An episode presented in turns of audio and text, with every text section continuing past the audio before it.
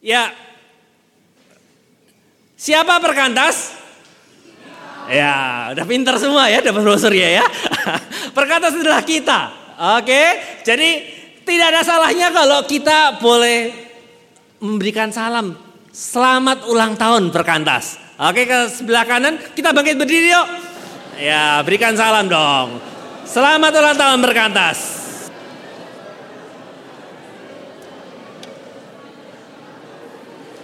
Di hari ulang tahun ini masih masih berdiri, masih berdiri. Ya, di hari ulang tahun ini uh, ada perlombaan tentang Pancasila ya. Saya amazing ya bahwa uh, salah satu lomba di Perkantas adalah uh, tulisan dan fotografi tentang Pancasila. Jadi saya ingin mengajak kita uh, mengatakan saya Perkantas, saya Indonesia, saya Pancasila. Saya Perkantas, saya Indonesia, saya Pancasila. Oke. Kita akan membahas bersama dari surat 1 Petrus ya. Surat 1 Petrus sesuai dengan apa yang diberikan oleh panitia di 1 Petrus pasal yang kedua ayat 9 sampai dengan ayat yang ke-16. Tapi kita akan bacanya nanti bertahap ya eh, karena eh, cukup panjang teksnya ya. Jadi eh, waktu saya belajar tentang 1 Petrus saya melihat bahwa dan menemukan bahwa surat 1 Petrus itu ditulis oleh Rasul Petrus ya, ditulis oleh Rasul Petrus di saat-saat yang paling gelap dalam sejarah kekristenan. Ya. Dia di, penulisnya jelas gitu ya, dia adalah Rasul Yesus Kristus, terus juga dikatakan di pasal yang kelima dia adalah saksi mata, ya, saksi mata dari uh, penderitaan Kristus gitu ya. Dan termasuk tiga murid yang paling dekat dengan Kristus dan pemimpin. Dapat dikatakan dia adalah pemimpin para murid ya. E, penerima suratnya siapa? Eh, orang-orang mendatang. Jadi menarik nanti saya akan expose e, pasal 1 ayat 1 dikatakan sebagai orang-orang mendatang yaitu orang-orang mendatang di Pont Pontius, Galatia, Kapodia, Asia Kecil dan Britinia. Jadi itu petanya, itu wilayah-wilayah di mana uh, uh, jemaat-jemaat yang menerima surat satu Petrus, ya. Pontius, Galatia, Kapodia dan uh, Asia Kecil dan Britinia. Nah, sekarang kenapa surat ini ditulis? Apa yang menjadi latar belakang Eh, surat ini ditulis. Mengapa Rasul Petrus menuliskan surat ini? Jadi surat ini ditulis dengan satu masa, satu masa, satu era di mana kekristenan mengalami satu masa-masa yang sangat gelap.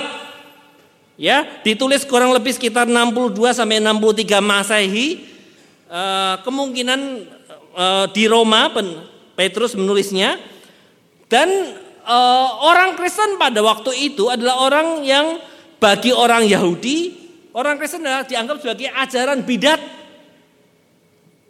Dulu kata Pak Sagala tadi ya, awal perkatas berdiri juga dipikir ini ajaran bidat tahun 71, 72, 73 gitu ya.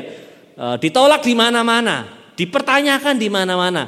Tetapi e, lebih lagi kalau saudara perhatikan di satu Petrus bagi orang Yahudi, orang Kristen adalah bidat karena karena mereka menyembah Yesus, menyembah Allah yang lain selain Allah Yahweh, ya. Terus juga bagi orang Romawi, perkembangan orang Kristen dianggap sebagai satu ancaman, ya, bagi kekaisaran Romawi. Dan surat ini ditulis dalam bayang-bayang penganiayaan dan masa yang paling kelam dalam sejarah kekristenan. Di mana uh, beberapa tahun kemudian itu terjadi penganiayaan oleh Kaisar Nero. Ya kurang lebih tahun 65 sampai 67 Masehi. Orang Kristen dituduh membakar kota Roma Paulus pada itu sejarah mencatat Paulus dipenggal kepalanya dan Petrus sendiri disalib terbalik di masa itu. Ya, di masa itu. Ada satu lukisan yang menarik karya dari Annabel Karachi. Yaitu satu lukisan di mana Petrus di situ digambarkan Petrus meninggalkan kota Roma ya untuk menghindari penganiayaan yang terjadi dan diminta oleh e, jemaat di sana untuk meninggalkan kota Roma. Sedangkan di situ di tengah jalan dia ketemu Yesus yang memanggul salib. Dan di situ ada satu istilah Petrus bertanya kepada dia, "Domine, quo vadis?" Lord, where are you going? Terus Yesus menjawab, Euroman ethereum crucifixi, crucifixi. I am going to Rome to be crucified again. Ini sampai sekarang istilahnya terkenal yaitu bicara masalah kovadis. Nah, ini adalah lukisan yang menggambarkan kondisi pada waktu itu. Ya, kondisi di waktu itu di mana kekristenan dihancurkan ya, di orang-orang Kristen dijadikan tontonan. Di Kolosium Roma itu diadu dengan binatang buas. Bahkan sejarah mencatat orang-orang Kristen dijadikan lampu atau apa ya? E, obor ya dijadikan obor yang menerangi kota jalan-jalan kota Roma. Caranya gimana? Caranya diikat, dililitin dengan kulit binatang dan disulut. Ditaruh mungkin berapa meter sekali gitu ya untuk menerangi jalan-jalan kota Roma. Jadi surat Petrus sekali lagi ditulis ya, ditulis dan ditujukan oleh jemaat-jemaat e, penerima surat Petrus ini di masa-masa yang paling gelap. Ya, di masa-masa di mana kekristenan ditentang habis. Kekristenan dianiaya. Orang Kristen mengalami penderitaan yang luar biasa. Dan orang Kristen bukan hanya mengalami penderitaan tapi dikejar-kejar oleh pemerintahan Romawi sebagai kelompok yang mengancam stabilitas uh, kerajaan Romawi. Saudara, uh, ini yang kalau saya simpulkan latar belakang atau uh, uh, masalah yang dihadapi oleh Rasul Petrus adalah pertama bagaimana mempersiapkan jemaat atas penderitaan yang akan dihadapi. Yang kedua di tengah kondisi jemaat yang adalah orang perantau dan pendatang bahkan disebut sebagai warga negara kelas 2 karena sebagai orang perantau dan Eh, pendatang mereka tidak mendapatkan kewarganegaraan yang penuh. Ya. Dianggap sebagai bidat, dianggap sebagai minoritas. Namun Kristus harus dipermuliakan. Jadi topik yang kedua, latar belakang yang kedua ini mewarnai surat 1 Petrus. Ya, bahwa di tengah kegelapan yang paling sulit, paling gelap, orang Kristen tetap dipanggil sesuai dengan tema kita kepada terangnya yang ajaib. Tidak ada alasan bagi orang Kristen untuk bersembunyi di dalam ghetto apa gua-gua dan rumah-rumah perlindungan, tidak.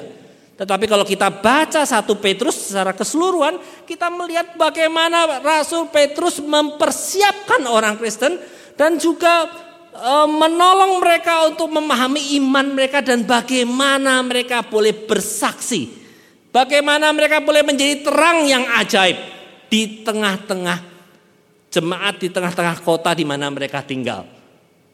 Ya. Jadi apalagi kalau ada sebuah buku yang saya baca sebagai rasul sebagai seorang rasul yang sangat dekat dengan Yesus yang hidup bersama dengan Yesus, yang mengerti pengajaran Yesus, yang kalau saudara perhatikan di kisah Rasul pasal yang ketiga itu dia Petrus berkhotbah yang menjelaskan panjang lebar tentang uh, tentang iman Kristen.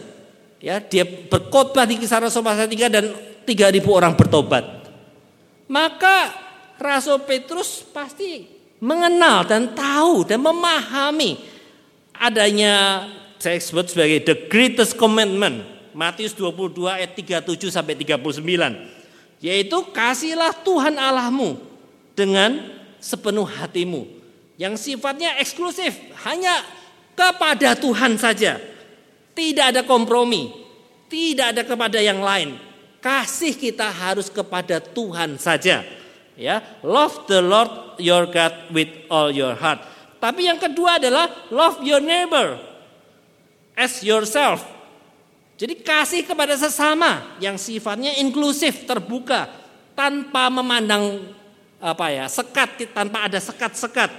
Ya, menerima semuanya. Yesus sudah praktekkan ya, perempuan Samaria, Matius si pemungut cukai yang dianggap sebagai orang berdosa, perempuan yang berdosa dan lain sebagainya. Kasih Yesus menerobos orang-orang yang dalam konotasi masyarakat Yahudi pada waktu itu dianggap sebagai berdosa, dianggap sebagai orang yang tersisih, dianggap sebagai orang yang uh, pinggiran, orang miskin dan lain sebagainya. Tapi kasih Kristus menerobos itu. Nah, ini yang disebut sebagai the greatest commandment. Dan yang kedua adalah bicara masa the great commission. Matius 28 kita tahu ya semua ya. E, di mana segala kuasa diberikan kepadaku dan oleh karena itu pergi go and make disciples baptizing uh, them and uh, teaching them to obey. Jadi sekarang bagaimana menerapkan dua konsep yang terpenting dalam Injil? Ya, bicara masalah the greatest commandment dan juga the great commission. Bagaimana menerapkan ini? Dan kita akan belajar melalui model atau mulai konteks dari surat 1 Petrus. Menarik bagaimana Petrus boleh memberikan satu apa ya? model, satu pendekatan bagaimana mensinkronkan dua hal itu. Mengabarkan Injil dan juga mengasihi Allah dan juga mengasihi sesama. Dalam konteks 1 Petrus. Pertama ada tiga hal yang kalau saya eh, ringkas, ada tiga hal yang kita bisa temui dalam surat 1 Petrus. Ya, eh, pertama Petrus menjelaskan bicara masalah identitas. Ya, jadi jemaat Tuhan di Bitinia, di Asia Kecil dan lain sebagainya, Petrus menjelaskan siapa, siapa mereka. Ya, identitas mereka jelas Petrus menjelaskan bahwa mereka adalah God's own possession. Umat kepunyaan Allah. Bukan kepunyaan mereka sendiri, bukan agenda mereka sendiri, bukan kepunyaan diri mereka, bukan kepunyaan Romawi. Tetapi mereka adalah umat kepunyaan Allah. Satu Petrus pasal yang kedua ayat 9 dikatakan tetapi kamulah bangsa yang terpilih, imamat yang rajani, bangsa yang kudus, umat kepunyaan Allah sendiri. Kamu yang dahulu bukan umat Allah, tetapi sekarang telah menjadi umatnya. Yang dahulu tidak dikasihani, tetapi yang sekarang telah beroleh belas kasihan.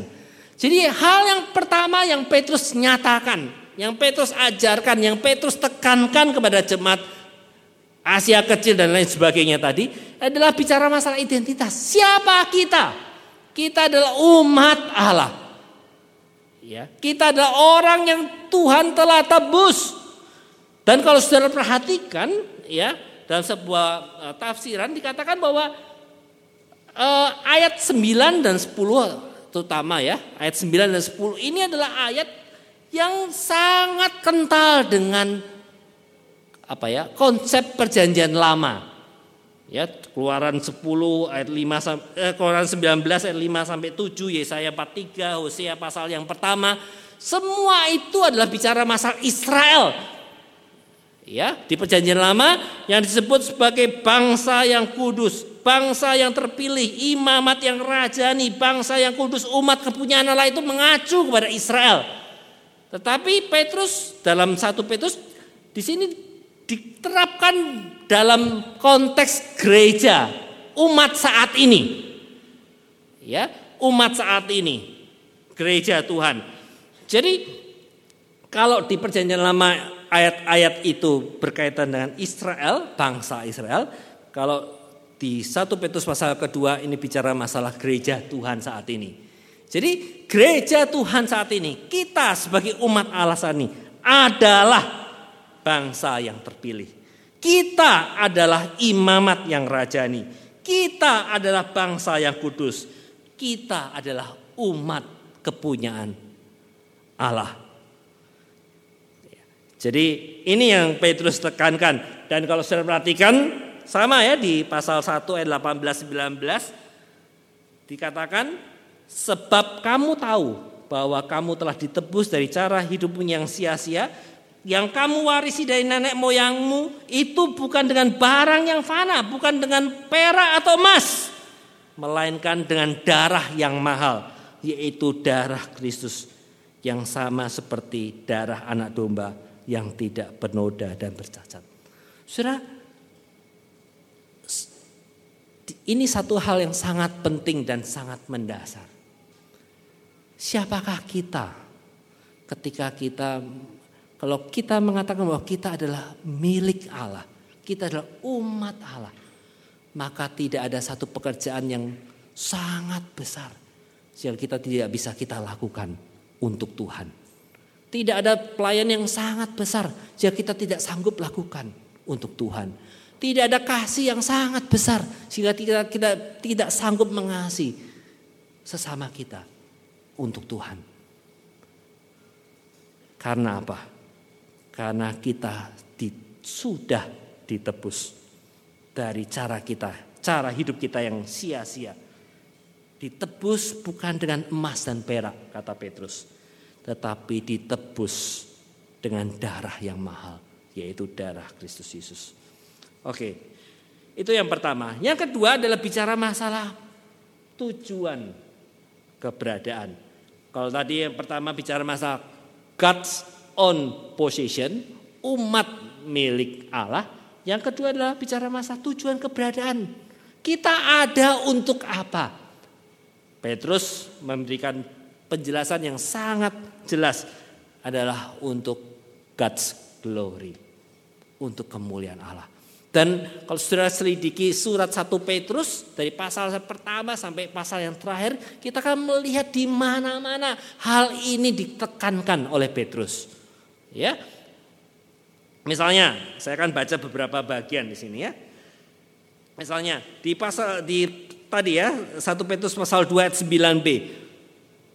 Ya, e, supaya kamu memberitakan perbuatan Allah yang besar dari Dia, perbuatan yang besar dari Dia yang telah memanggil kamu keluar dari kegelapan kepada terangnya yang ajaib. Jadi kita di, kita dijadikan umat kepunyaan Allah supaya kita memberitakan perbuatan-perbuatan yang besar dari dia yang telah memanggil kamu keluar dari kegelapan kepada terangnya yang ajaib. Jadi tujuan kita ada adalah untuk memberitakan perbuatan-perbuatan Allah. Di bagian yang lain, misalnya di pasal yang keempat ayat 10 dan 11 dikatakan, layanilah seorang akan yang lain sesuai dengan karunia yang telah diperoleh tiap-tiap orang sebagai pengurus yang baik dari kasih karunia Allah. Jika ada orang yang berbicara, baiklah ia berbicara sebagai orang yang menyampaikan firman Allah. Jika ada orang yang melayani, baiklah ia melakukannya dengan kekuatan yang dianugerahkan Allah. Supaya apa? Allah dimuliakan dalam segala satu karena Yesus Kristus. Ialah yang empunya kemuliaan dan kuasa sampai selama-lamanya. Kita ada untuk God's glory, untuk kemuliaan Allah. Kita ada. Tadi saya suka ada banyak profesi ya yang menyambut kita gitu ya. Kita ada. Berbagai macam profesi ada. Kita sebagai tadi apa aja ya? Suster, sebagai dokter, sebagai apa lagi ya uh, dan lain sebagainya politisi ya sebagai orang yang terjun dalam bidang engineering orang yang terjun dalam bidang ekonomi finance dan lain sebagainya kita ada kita diutus sebagai siswa mahasiswa kita ada untuk memuliakan Tuhan. Mari kita baca bersama-sama 1 Petrus 4 ayat 11c ya. Oke? Kelihatan semoga ya. Kelihatan ya? Oke, kita baca sama-sama. Satu, dua, tiga. Supaya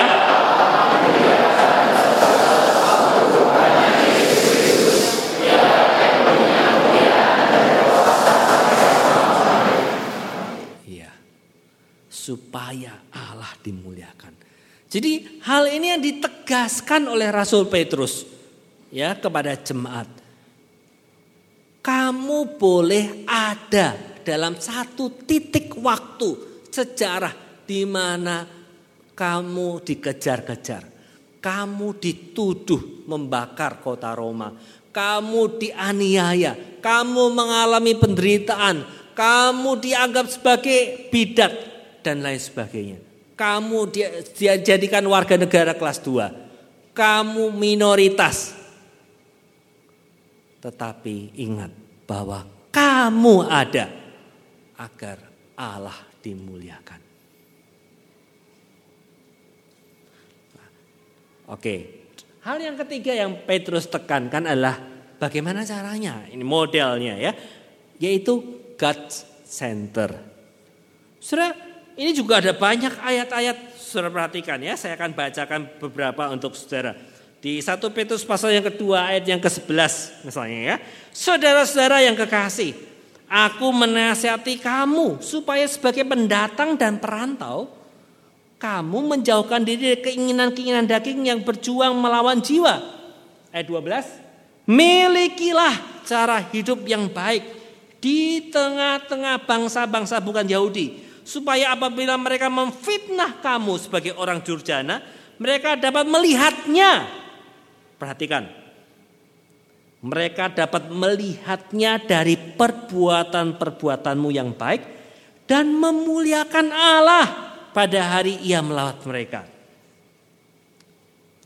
Next, katakan. Di ayat yang ke-13, tunduklah karena Allah kepada semua lembaga manusia, baik kepada raja sebagai pemegang kekuasaan yang tertinggi, maupun kepada wali-wali yang diutusnya untuk menghukum orang-orang yang berbuat jahat dan menghormati orang-orang yang berbuat baik. Ayat 15. Sebab inilah kehendak Allah yaitu supaya dengan berbuat baik kamu membungkamkan kepicikan orang-orang yang bodoh. Hiduplah sebagai orang yang merdeka, bukan seperti mereka yang menyalahgunakan kemerdekaan itu untuk menyelubungi kejahatan-kejahatan mereka. Tetapi apa? Hiduplah sebagai hamba Allah. Lanjut pasal 3 ayat 1. Menarik ini ya. Demikian juga kamu hai istri-istri, tunduklah kepada suamimu. Bukan suaminya ya, saya sampai salah tuh ya. Suamimu. Supaya jika ada di antara mereka yang tidak taat kepada firman, mereka juga tanpa perkataan dimenangkan oleh apa? kelakuan istrinya. Ayat 14. Tetapi sekalipun kamu harus menderita juga karena kebenaran, kamu akan berbahagia. Sebab itu jangan kamu takuti apa yang mereka takuti dan janganlah gentar. Ayat 15. Mari kita baca sama sama ya ayat 15. Satu, dua, tiga. Tetapi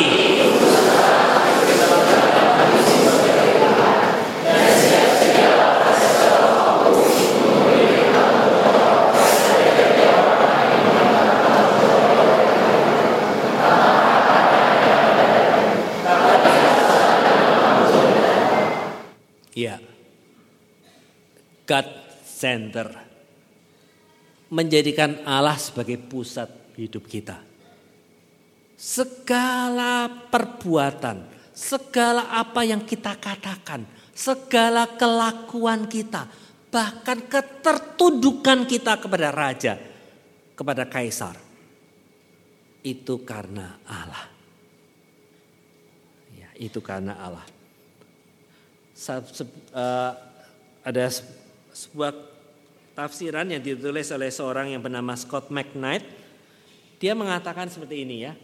Kalimat ini sebagai satu kesimpulan dia. The most important thing this text that it put all of our social and political life into relation to God. The Bible is not a book about how to get along in the world It is a book inspired by God about how to live to God. The aim of life, including our social and political life, is to live to God. To live under His authority, to live on Him like He live, like we live on air and food and water. Ya.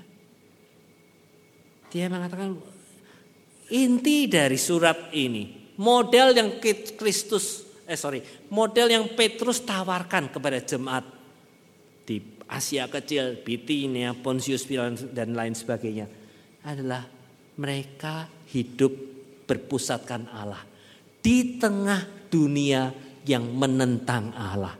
Di tengah dunia yang melawan Allah hadir terang orang-orang yang dipanggil kepada terangnya yang ajaib.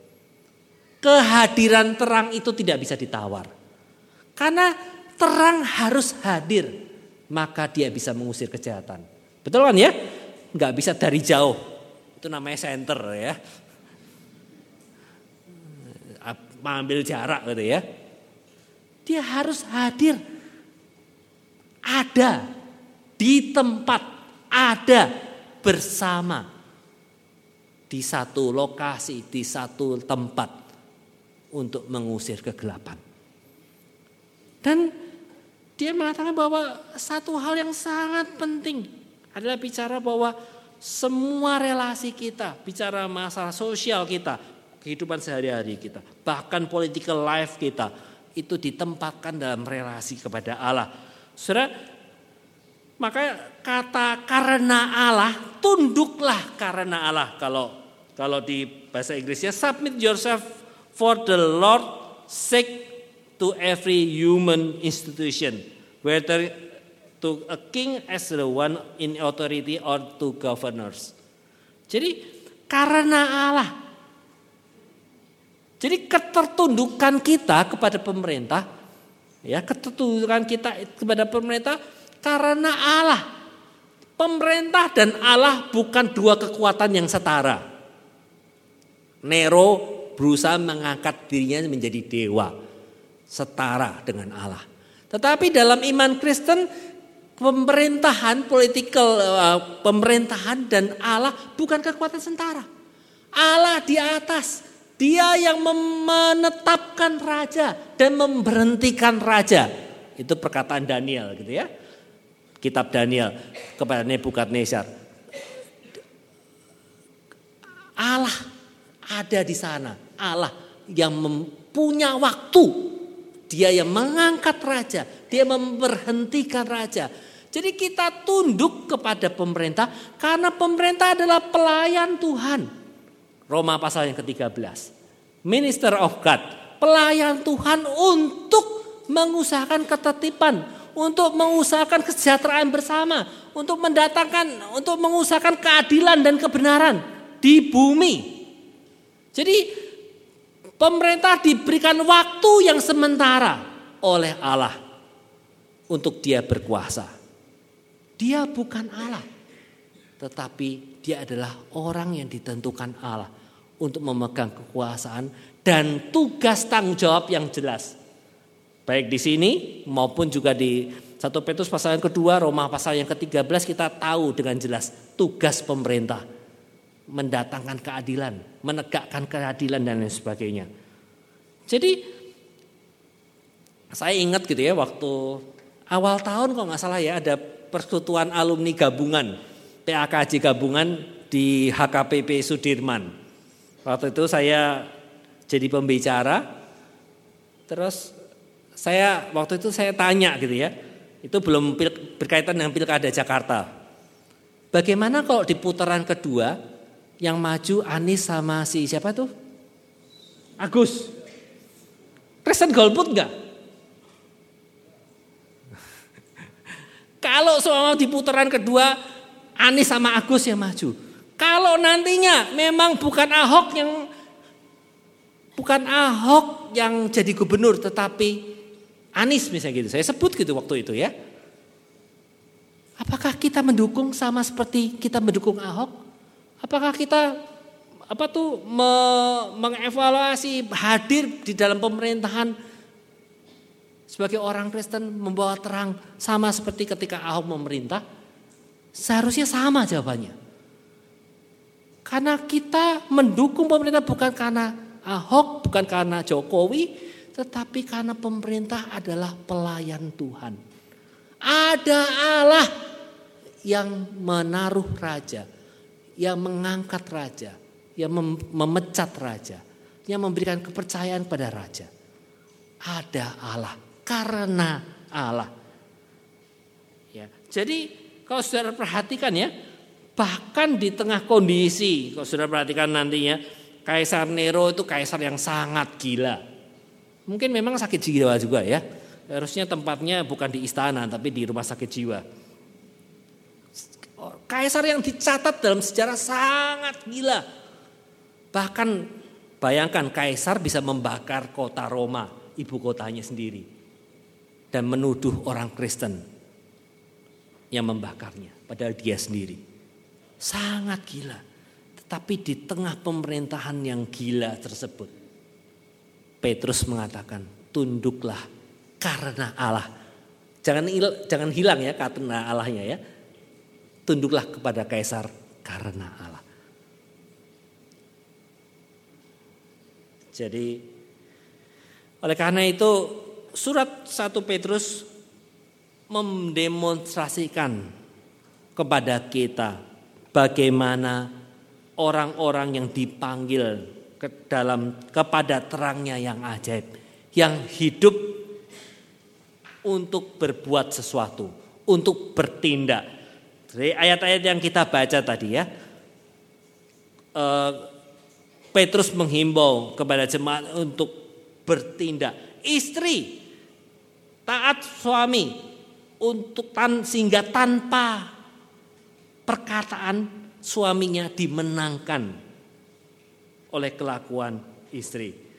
Hamba-hamba taat pada majikannya karena Kristus. Ya. Terus juga banyak ya di ayat yang 12 tadi ya cara hidup yang baik. Ya, milikilah cara hidup yang baik di tengah-tengah bangsa yang bukan Yahudi, supaya apabila mereka memfitnah kamu, mereka dapat melihat dari perbuatan-perbuatanmu yang baik dan memuliakan Allah pada hari ia melawat mereka. Jadi surat Petrus ini memberikan satu model bagaimana kehadiran orang Kristen adalah kehadiran yang memberikan teladan memberikan terang.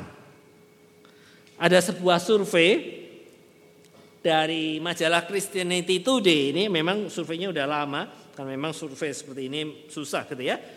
Diadakan tahun eh, survei waktu surveinya tahun 91 sampai 2007. Ditulis di oleh uh, di majalah yang melakukan survei sebenarnya dari Seminari Teologi Fuller Amerika uh, dan dimuat di majalah Kristen itu di Oktober 2007. Surveinya menanyakan ini, why they follow Jesus? Mengapa mereka mengikuti Yesus? D di sini, mereka di sini adalah orang-orang non-Kristen yang menjadi Kristen. Ya, orang-orang 750 orang non-Kristen terutama di sini fokusnya ke muslim yang memutuskan akhirnya bertobat dan mengikut Yesus, menjadi pengikut Yesus. Berasal dari 30 negara, saya baca surveinya ada di dari Indonesia satu dan 50 kelompok suku mewakili setiap negara. Nah terhadap pertanyaan why they follow Jesus, jawabannya apa? Mengapa mereka mengikut Yesus? Jawabannya menarik. Jawaban yang paling banyak dari 750 orang itu, tiga jawaban terbesar adalah Pertama, mereka ikut Yesus karena melihat gaya hidup orang Kristen. Yang kedua, mereka ikut Yesus karena ada kuasa Allah melalui jawaban doa dan kesembuhan. Terus yang ketiga, tidak puas dengan model agama yang mereka telah. Tapi sudah perhatikan, dua jawaban yang terbesar adalah bicara masalah gaya hidup dan juga intervensi Allah menyembuhkan orang itu, menjawab doa orang itu dan lain sebagainya. Jadi memang gaya hidup orang Kristen memegang peranan yang sangat penting. Di surat 1 Petrus ini kita bisa melihat bahwa kehadiran, kesaksian Kristiani itu tidak akan bisa ditutupi. Walaupun di masa di mana tadi saya katakan paling gelap pun, ketika orang Kristen sadar dirinya ada God on position, umat kepunyaan Allah. Mereka sadar dan tahu bahwa tujuan mereka adalah untuk kemuliaan God's glory dan mereka berlomba-lomba juga untuk mereka boleh melakukan kehendak Tuhan. Menjadikan Kristus sebagai pusat dalam hidup mereka. Maka seperti itu. Kesaksian Kristus, kesaksian orang Kristen tidak akan bisa dihambat atau dihalangi. Karena apa? Karena kesaksian Kristen itu hadir dalam hidup kita. Bukan di gedung gereja, bukan di tempat-tempat ibadah, tapi hadir dalam kehidupan kita sehari-hari. Ketika kita jadi orang yang terlibat dalam engineering, Kristus ada di situ. Ketika kita masuk dalam wilayah politik, Kristus ada di situ melalui hidup kita. Ketika masuk di wilayah kesehatan, Kristus ada. Masuk di wilayah pendidikan, guru-guru, dosen-dosen, Kristus ada di situ. Kristus ada di situ. Di mana kita sebagai orang-orang yang telah diutus datang menjadi model menjadi apa teladan duta besar Allah dalam hidup ini. Ya, jadi kita bersyukur gitu ya. E, hari ini kita boleh merayakan 46 tahun perkantas di Indonesia. Ya. E, kalau bicara masalah visi saya sejak saya mahasiswa mungkin ya ikut camp di Perkantas eh, dan juga di Trisakti waktu itu saya selalu ingat seorang pembicara yang membagikan visi pelayanan mahasiswa yaitu dari Pak Isabelo Magalit.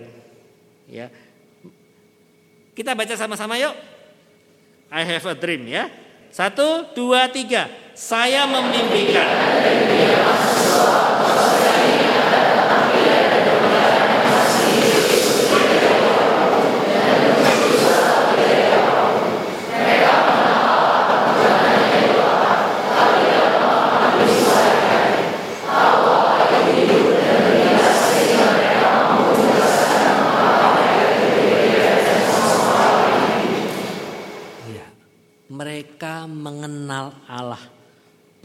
bukan dari atau bukan hanya di otak, tetapi dalam pengalaman hidup sehari-hari.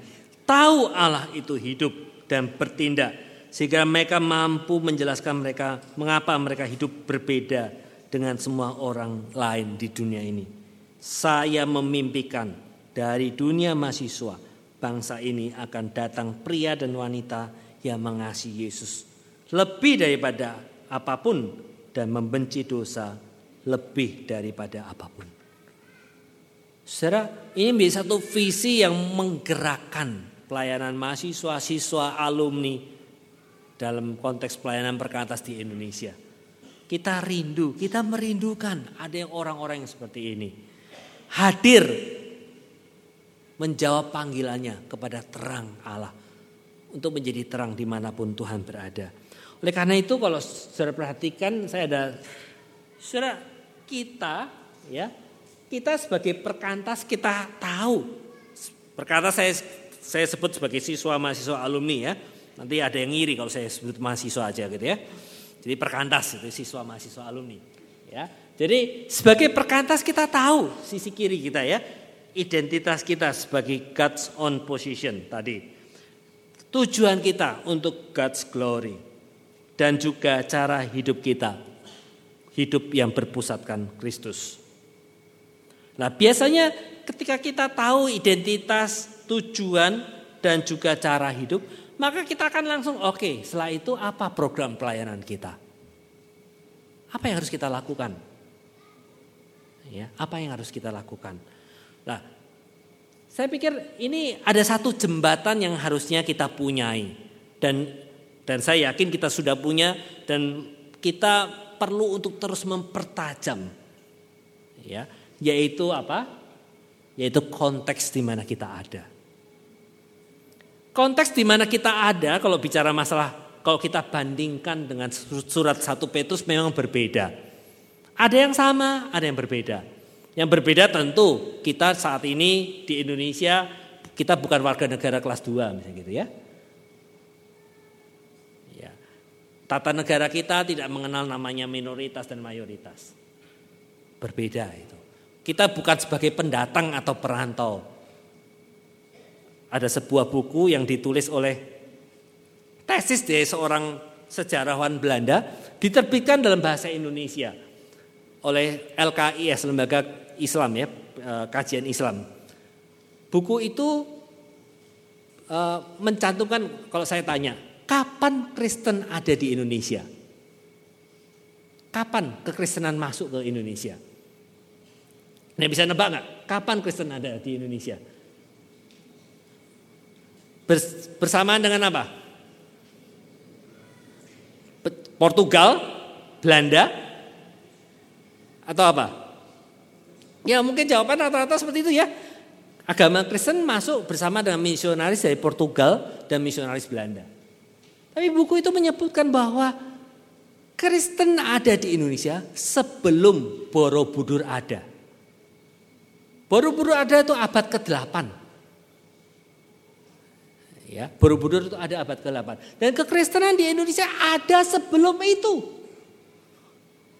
Dalam buku itu dikatakan ada bukti-bukti sejarah, ada orang melihat adanya gereja. Udah bentuknya gereja di daerah Sumatera, Sibolga dan Sibolga dan lain sebagainya itu. Itu abad ke-7. Tahun sekitar tahun 750 itu orang sudah melihat ada gereja, beberapa gereja di wilayah di pesisir pantai, di daerah Sibolga dan juga di pesisir pantai Sumatera. Gereja baik itu gereja Nestorian, Kristen Nestorian maupun gereja Katolik, gereja Bunda Maria. Itu sudah dilihat. Jadi sekali lagi Kristen ada bukan karena kita dikatakan kita ini agama penjajah, tidak.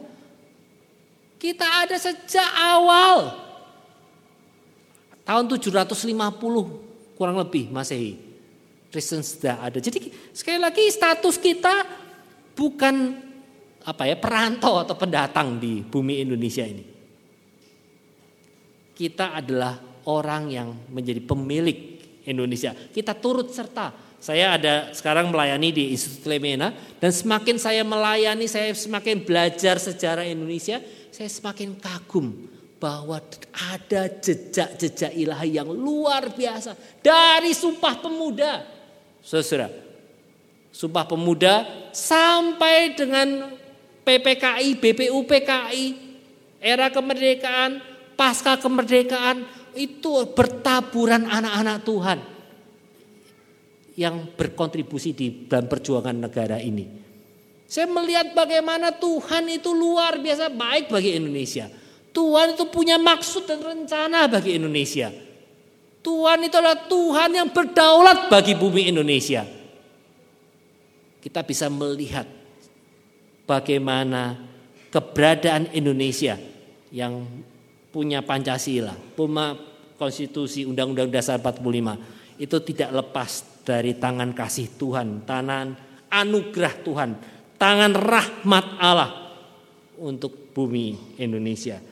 Jadi kita perlu terus-menerus mempertajam peran kita. Konteks di mana Tuhan menempatkan kita yaitu Indonesia. Konteks di mana Tuhan menempatkan kita yaitu kita ada di kampus, ada di sekolah, ada di, di pelayanan alumni. Konteks di mana Tuhan menempatkan kita yaitu kita ada di negara yang mayoritas muslim Oh, sungguh bersyukur kita ada di negara yang 85 persennya muslim. Berarti ada kesempatan yang luar biasa untuk menyatakan terang ajaib itu kepada banyak orang. Kita ada di negara yang backgroundnya 85% muslim.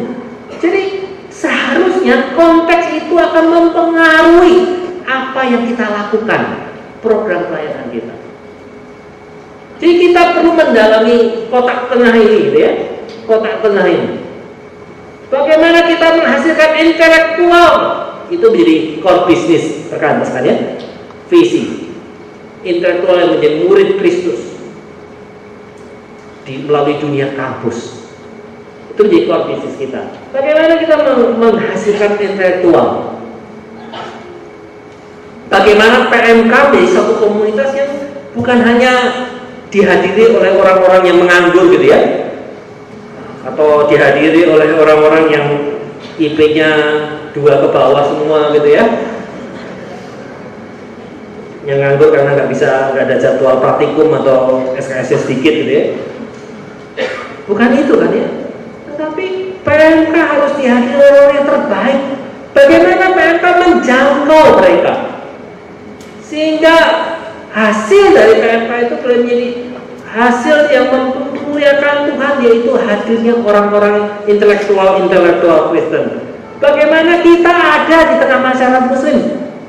Saya pikir ini masih sangat jauh untuk kita perlu kita pelajari lebih jauh lagi gitu ya. Bagaimana program-program kita itu menarik?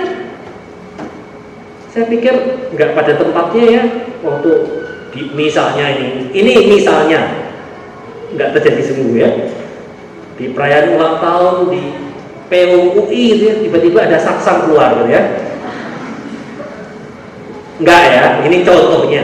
Enggak, enggak nyambung kan ya. Bagaimana kita bisa menjadi bagaimana orang tertarik kepada kita kalau kita membuat tembok? Tembok itu macam-macam ya, melalui kelakuan kita, melalui hal, melalui melakukan hal yang mereka tidak suka atau mereka anggap haram. Banyak itu. Jadi saya pikir kita 46 tahun ke di Indonesia sudah saatnya untuk kita mempertajam bahwa Tuhan menempatkan kita bukan di Singapura.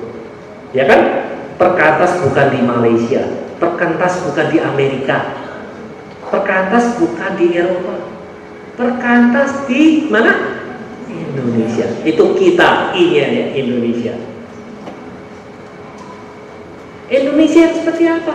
Indonesia yang memang mayoritas muslim. Jadi kita harus mendalami minimal saya kita tidak perlu menjadi orang ahli Islamologi untuk belajar tentang Islam tidak perlu. Tetapi minimal kita tahu bagaimana kita boleh bersahabat dengan teman-teman Muslim. PMK tidak alergi. PMK menjadi satu jem, apa ya kalau istilahnya seperti window itu seperti jembatan apa e, jendela sehingga orang bisa lihat ini loh orang Kristen seperti satu Petrus tadi ya sehingga melalui tingkah laku kelakuan mereka orang boleh mempermuliakan. Apakah program-program kita seperti jendela juga yang bisa dilihat sehingga orang orang tertarik. Dua minggu yang lalu kalau salah ya, saya bawakan di PMKJ uh, masih di Jakarta eksposisi tentang Matius pasal 9 itu dalam Matius si pemungut cukai. Ayat yang menarik di situ adalah perkataan ketika Yesus diprotes oleh orang-orang Farisi dan ahli Taurat, "Mengapa kamu makan bersama dengan orang berdosa?" Jawaban Yesus, "Karena aku datang bukan untuk orang yang benar, tetapi untuk orang yang berdosa."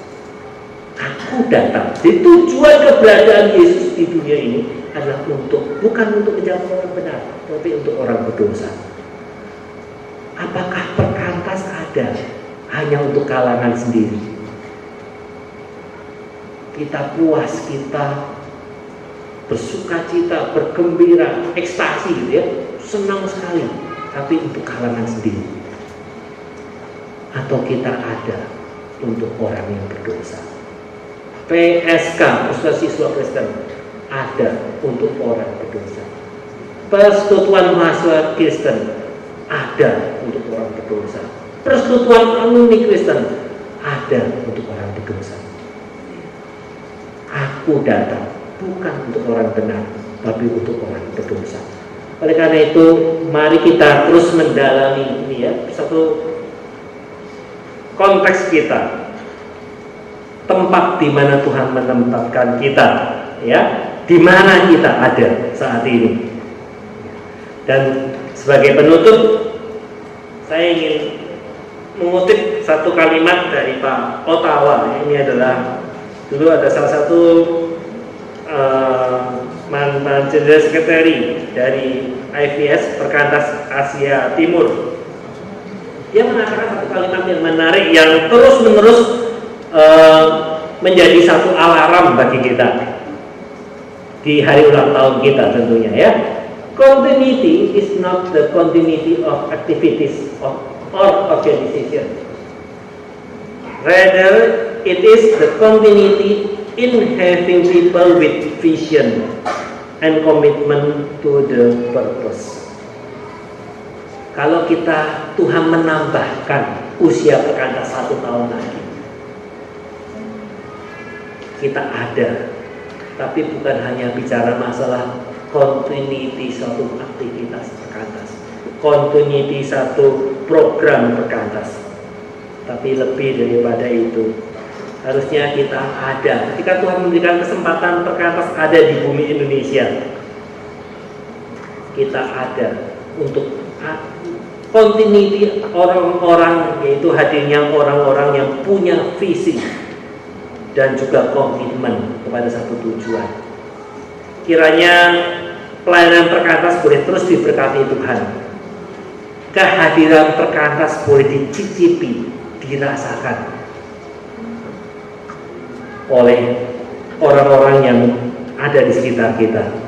Seperti jemaat satu Petrus, di mana di tengah kegelapan, di tengah hambatan, di tengah penganiayaan, mereka ada mempraktekkan perbuatan baik, mempraktekkan perbuatan tingkah laku yang memuliakan Tuhan sehingga orang tertarik orang melihat Kristus melalui hidup mereka. Kiranya keberadaan kita sebagai perkantas boleh membawa dan menarik orang untuk datang kepada Kristus. Amin. Mari kita tundukkan kepala minta Kak Niko berdoa. Terpujilah Engkau Allah yang telah memanggil kami kepada terang yang ajaib itu.